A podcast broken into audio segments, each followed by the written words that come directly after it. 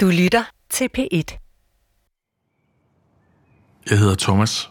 Jeg bor alene i min lejlighed i København. Halvdelen af tiden bor min datter her også. Udenfor er vejret sommersmukt og varmt. På væggene hænger der kunst og børnetegninger, og der er også to potteplanter, som er ved at gå ud. Jeg har nogle få, men fine møbler. Man kan bare ikke se dem under alt rodet.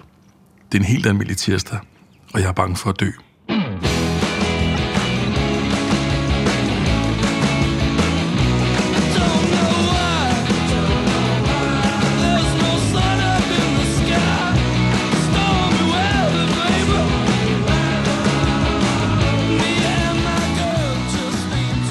Til Kirkegård på egen krop.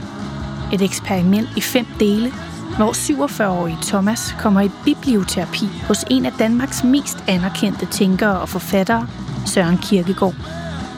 Vi har bedt en kirkegård-ekspert, Christian Hjortkær, som er kendt teol, højskolelærer og mangeårig forsker, om at formidle Kirkegårds ord og tanker, så Thomas har en levende samtalepartner. Sammen vil de undersøge, om Kirkegaards værker og tanker kan hjælpe Thomas ud af hans fastlåste tankemønstre. Om en mand, der døde for 165 år siden, kan bruges som en slags terapeut i dag. Velkommen til Kirkegaard på egen krop. Hej Christian. Hej Thomas. Jeg har inviteret mig selv herover til dig og i dit bibliotek. Mm. Et af de helt store temaer i forhold til at finde meningen med mit liv, det er døden. Mm. Jeg har tanker om døden mange gange øh, hver dag. Og grund til, at jeg synes, det er et problem, øh, men det er jo fordi, at det er der, det hele ender. Mm. Det ved jeg. Det ved vi jo. Mm. Medmindre et eller andet helt vildt skørt sker på medicinfronten. Jamen, jeg har en mistanke om, at, at, jeg, øh, at jeg har brug for at, at virkelig sådan, ikke bare vide det og forstå det rationelt, men mærke det helt ind i, øh, i mag og ben, i forhold til øh, ikke at blive øh, låst af det. Hvis jeg kunne lave en, en accept af livets endeligt, så tror jeg på, at jeg kunne blive meget mere fri, hmm. og så leve, mens jeg faktisk har muligheden for det.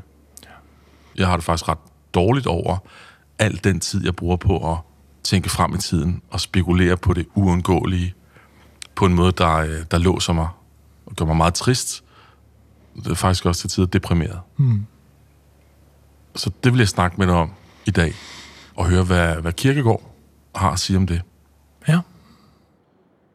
Du, du nævner selv, at, at du øh, tænker på døden hver dag. Mm. Hvad, mm, hvad er du bange for? Der er et par forskellige måder, at jeg tænker øh, på døden. Det ene er der, hvor jeg øh, bliver rigtig ked af det, fordi jeg tænker på, at hvis jeg dør, så er øh, dem, jeg elsker, tilbage uden mig. Øh, specielt min datter, tænker mm. jeg på her. Mm. Hvis det var, jeg gik hen og, og døde i morgen, som nogle af de der tanker kan få mig til at, at føle.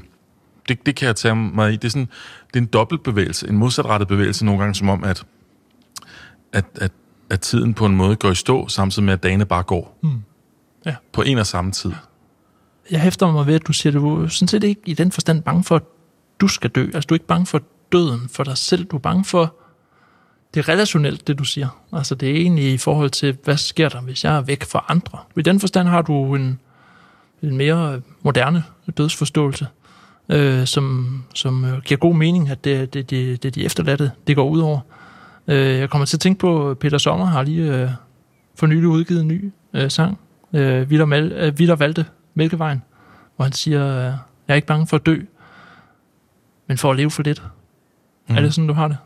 Ja. Yeah.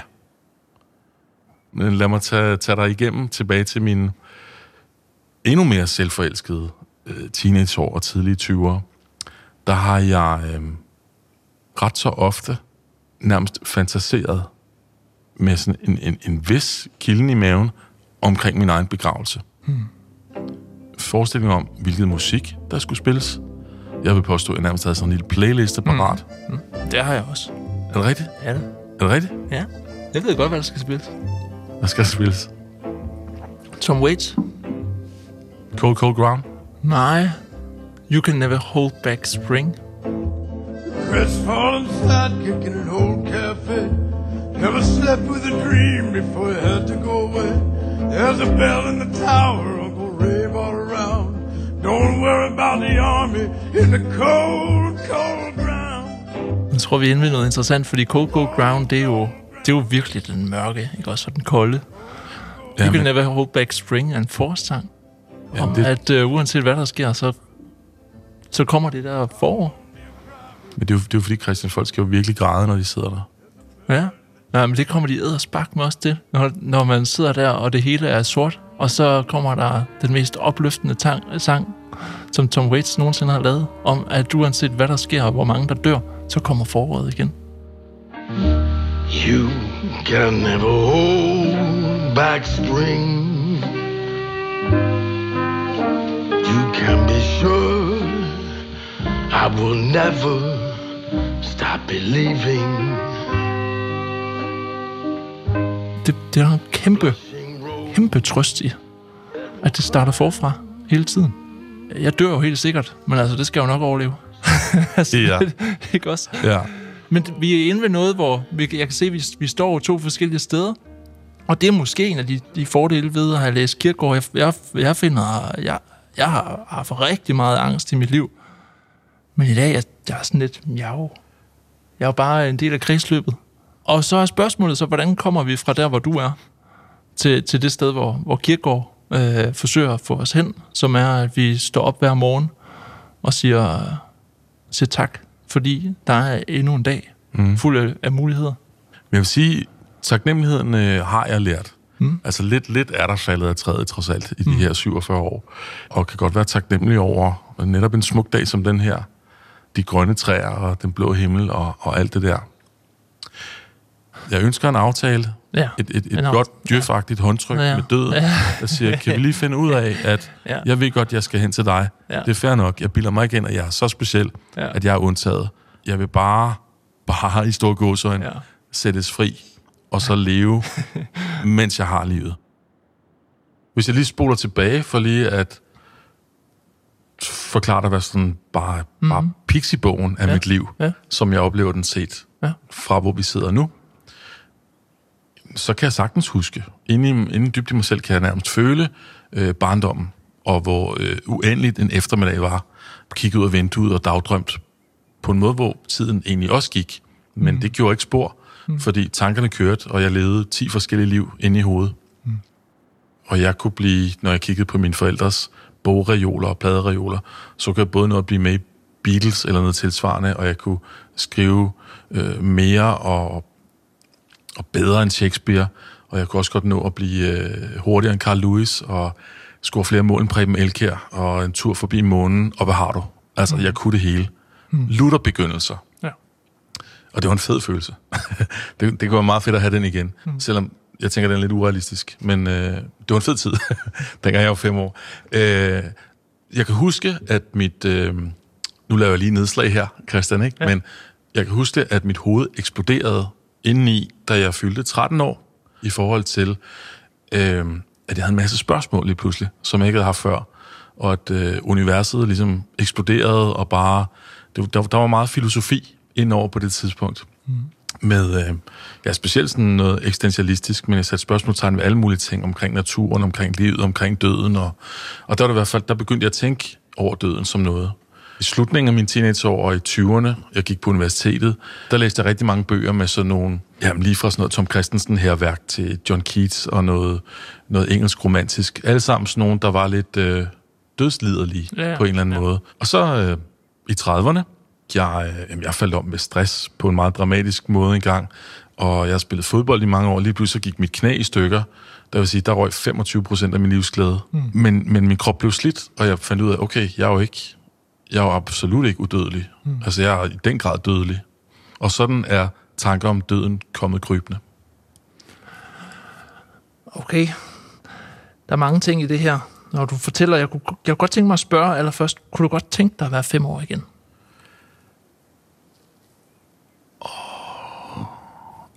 Altså, nej, vil jeg sige. Jeg tøver lidt, fordi mm. det kunne jo være fedt nok i forhold til... Jeg kan jo godt lide begyndelser. Mm. Altså, at være fem år, det er jo absolut en begyndelse. Jeg kunne godt lide ja. potentialet og den væg, der ikke er skrevet på, mm. hvor, hvor alt kan lade sig gøre. Mm.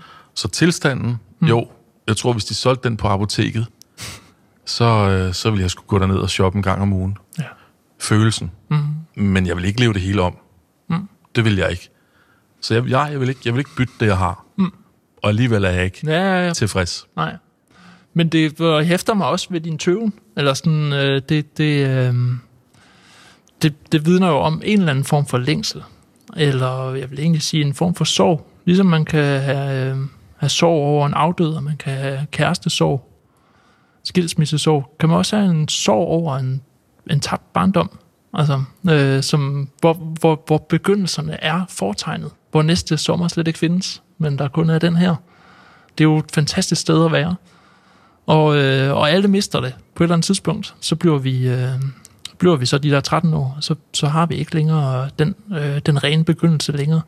Og det synes jeg faktisk er meget fair at, at huske på, at det er der en vis øh, sorg, eller man vil jo så bruge det ord melankoli. Melankoli er jo netop, at man har mistet noget uden helt at miste. Mm. Det tror jeg, jeg tror, det er en vigtig opgave. Det vil Kierkegaard sige, at barndommen er en gave og en opgave. Og opgaven er at tage den barndom med sig. Altså faktisk tage barnet med sig. På en eller anden måde stadigvæk forholde sig til, til den del og have en eller anden form for omsorg for, øh, for, for den længsel, man har efter begyndelser og øh, glæden. Mm. Den, den nærmest den befriende, umiddelbare, uafgrænsede glæde, som ligger i, i barndommen. Da du begyndte at have de tanker her, var det noget, var det noget dine forældre talte de, Har du talt om døden med dine forældre? Nej. Har du talt med din datter om døden? Nej. Altså, det er begyndt at være en del af ordforrådet, når vi snakker om nogle mennesker, der dør, eller mm. hun, hun spørger. Øh, men ikke som sådan et tema. Altså, øh, mm. Tror du, hun tænker på døden? nej, det tror jeg ikke. Har du spurgt hende? Nej, det har jeg ikke. Altså, Kierkegaard mener, at vi bliver født uskyldige. Hverken skyldige, eller syndige, eller gode, eller super, eller et eller andet. Men bare øh, født i uskyldighed. Og det er jo først senere, at det går op for os, at der er noget, der er godt og ondt. Og dermed noget, vi skal nå i livet. Og så er det også først senere, vi opdager, at, at vi faktisk øh, skal herfra igen.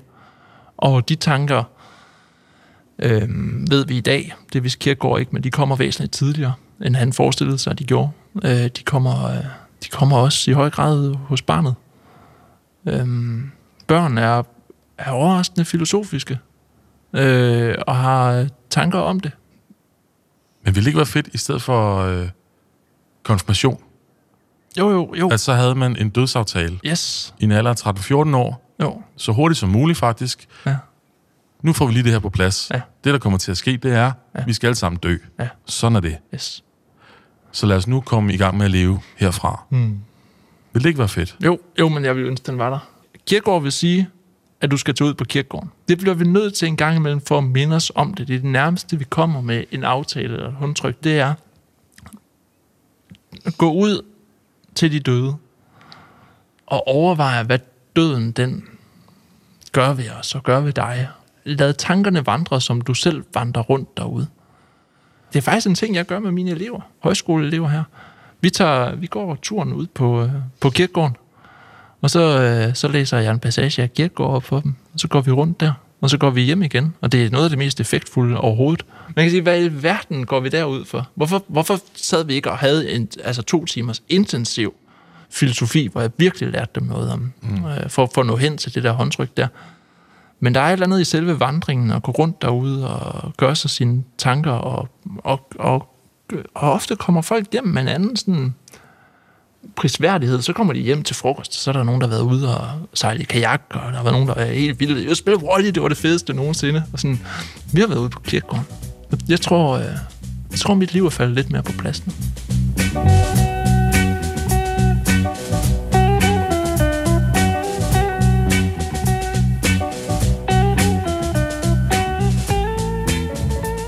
Christian gav mig en opgave. Gå en tur på en kirkegård og mind dig selv om døden. Ja tak. Men øh, det turde jeg ikke helt. Jeg har i hvert fald taget en hjælper med. Min datter på fem år. Og for hende der er alting en legeplads. Også kirkegården. Hun indser hverken, øh, hvornår navnene på gravstenen er født eller døde. Hun løber og lever mellem årstallene. Min tanke er, at en øh, snak med hende om den her kirkegård, set fra hendes perspektiv, vil kunne gøre døden lidt mindre farlig og lidt mere nærværende for mig.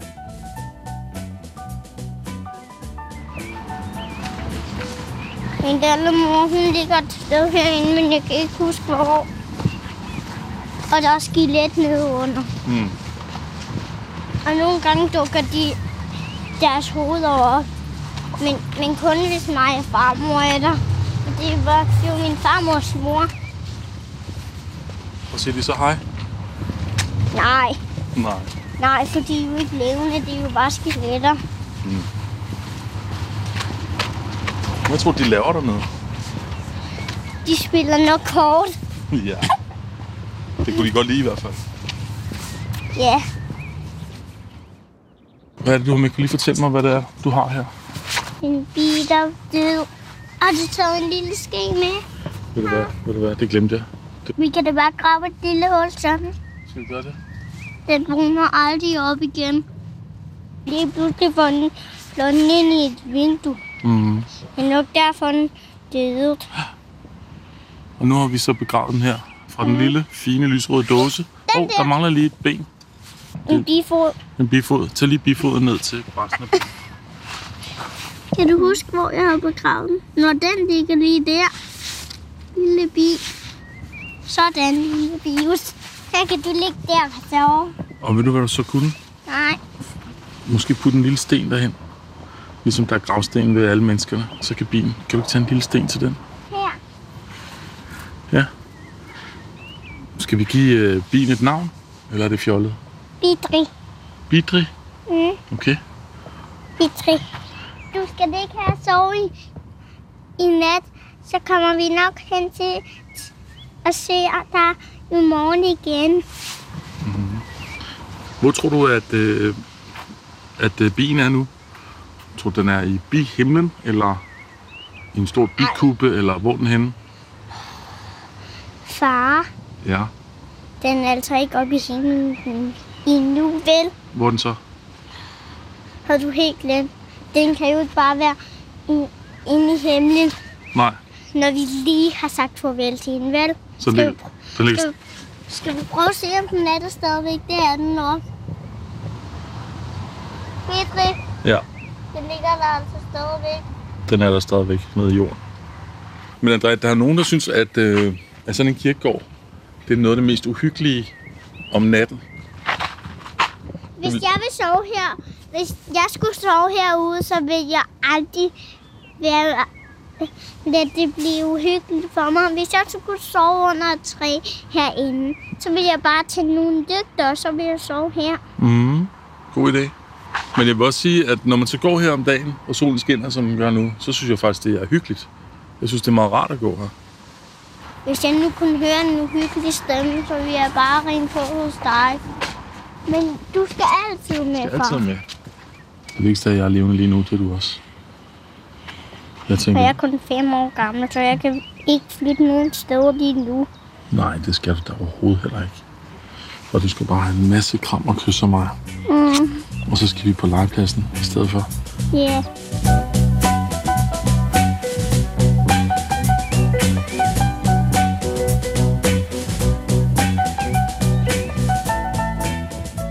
Nu ved du i hvert fald lidt mere om, hvordan hun tænker om døden Ja.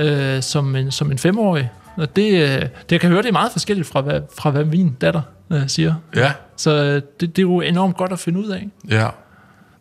For lige at, at kigge i mit sådan generalieblad af, af diagnoser og ting, som, som simpelthen bare har, øh, som jeg har mærket på min krop, og som har gjort mig mere og mere dødelig, så blev jeg øh, frygtelig syg lige pludselig. Mm. Er det okay at fortælle om det? Mm. Det var øh, det er to og et halvt år siden nu. Og jeg havde gået og været, som altid, sådan lidt stresset på, øh, på job. Øh, så havde jeg en knaldende hovedpine.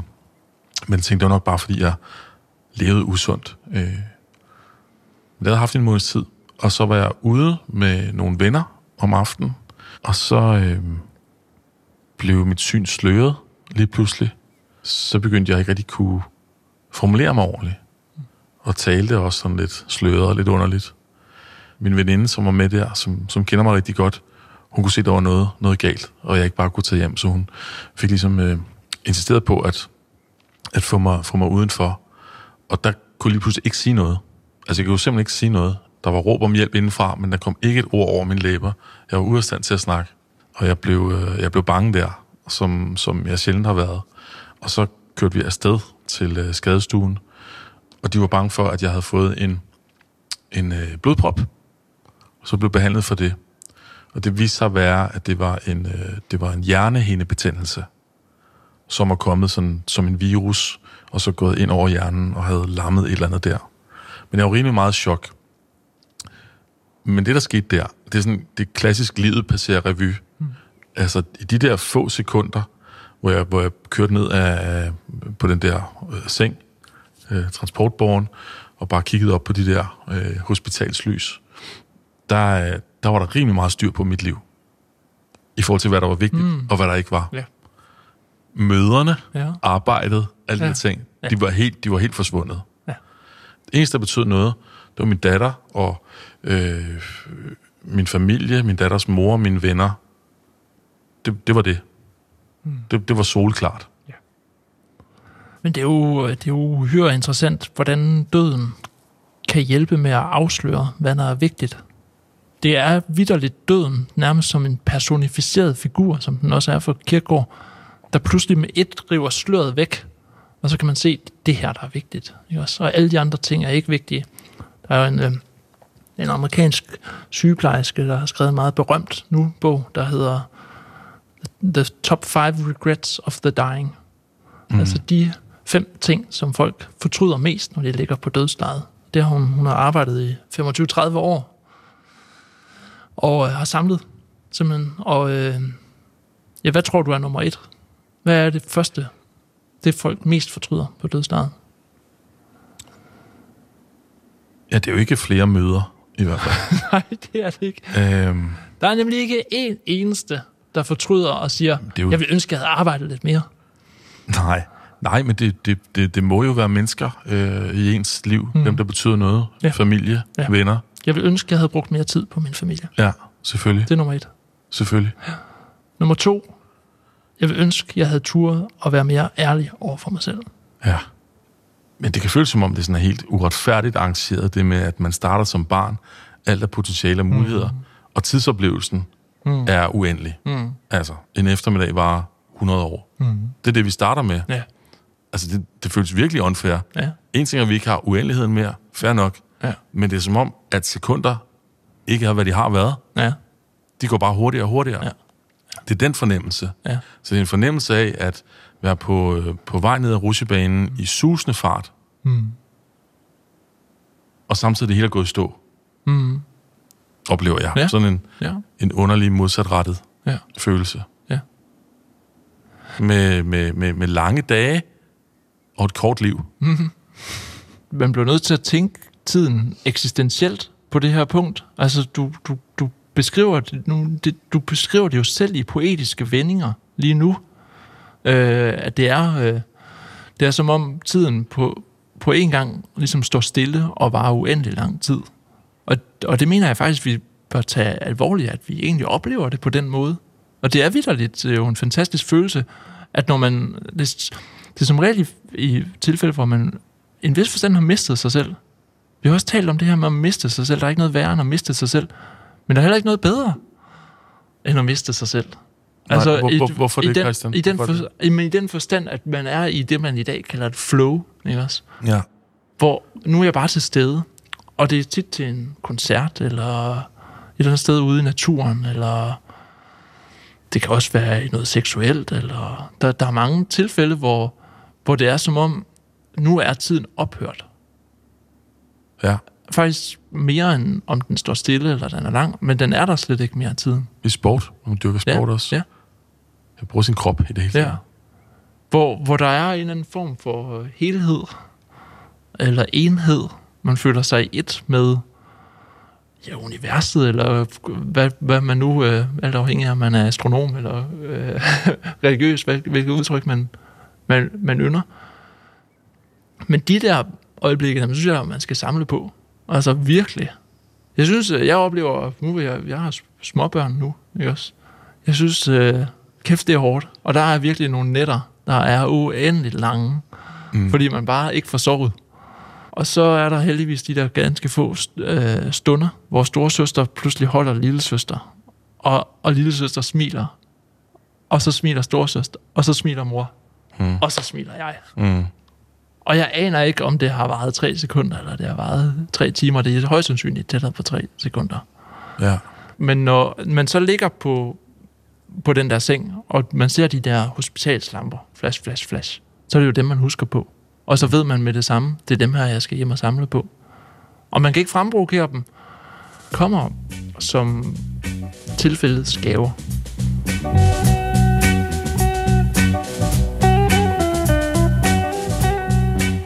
Jeg må ud og mærke døden, så den kan puste liv i mig. I stedet for bare at tænke på døden, mens tiden løber. Jeg vil nå at mærke den accept, som Christian oplever. Der, hvor der stadig er Tom Waits på playlisten til begravelsen, men i den optimistiske udgave. Og så skal jeg ud og samle på tilfældets gaver. Det handler det om i næste afsnit af Kirkegård på egen krop. Programmet er produceret for P1 af Body Body. Camille Gudmand Lange har tilrettelagt, Jakob Helt har klippet, Kirkegårds stedfortræder er Christian Hjortkær, og mit navn er Thomas Klingby.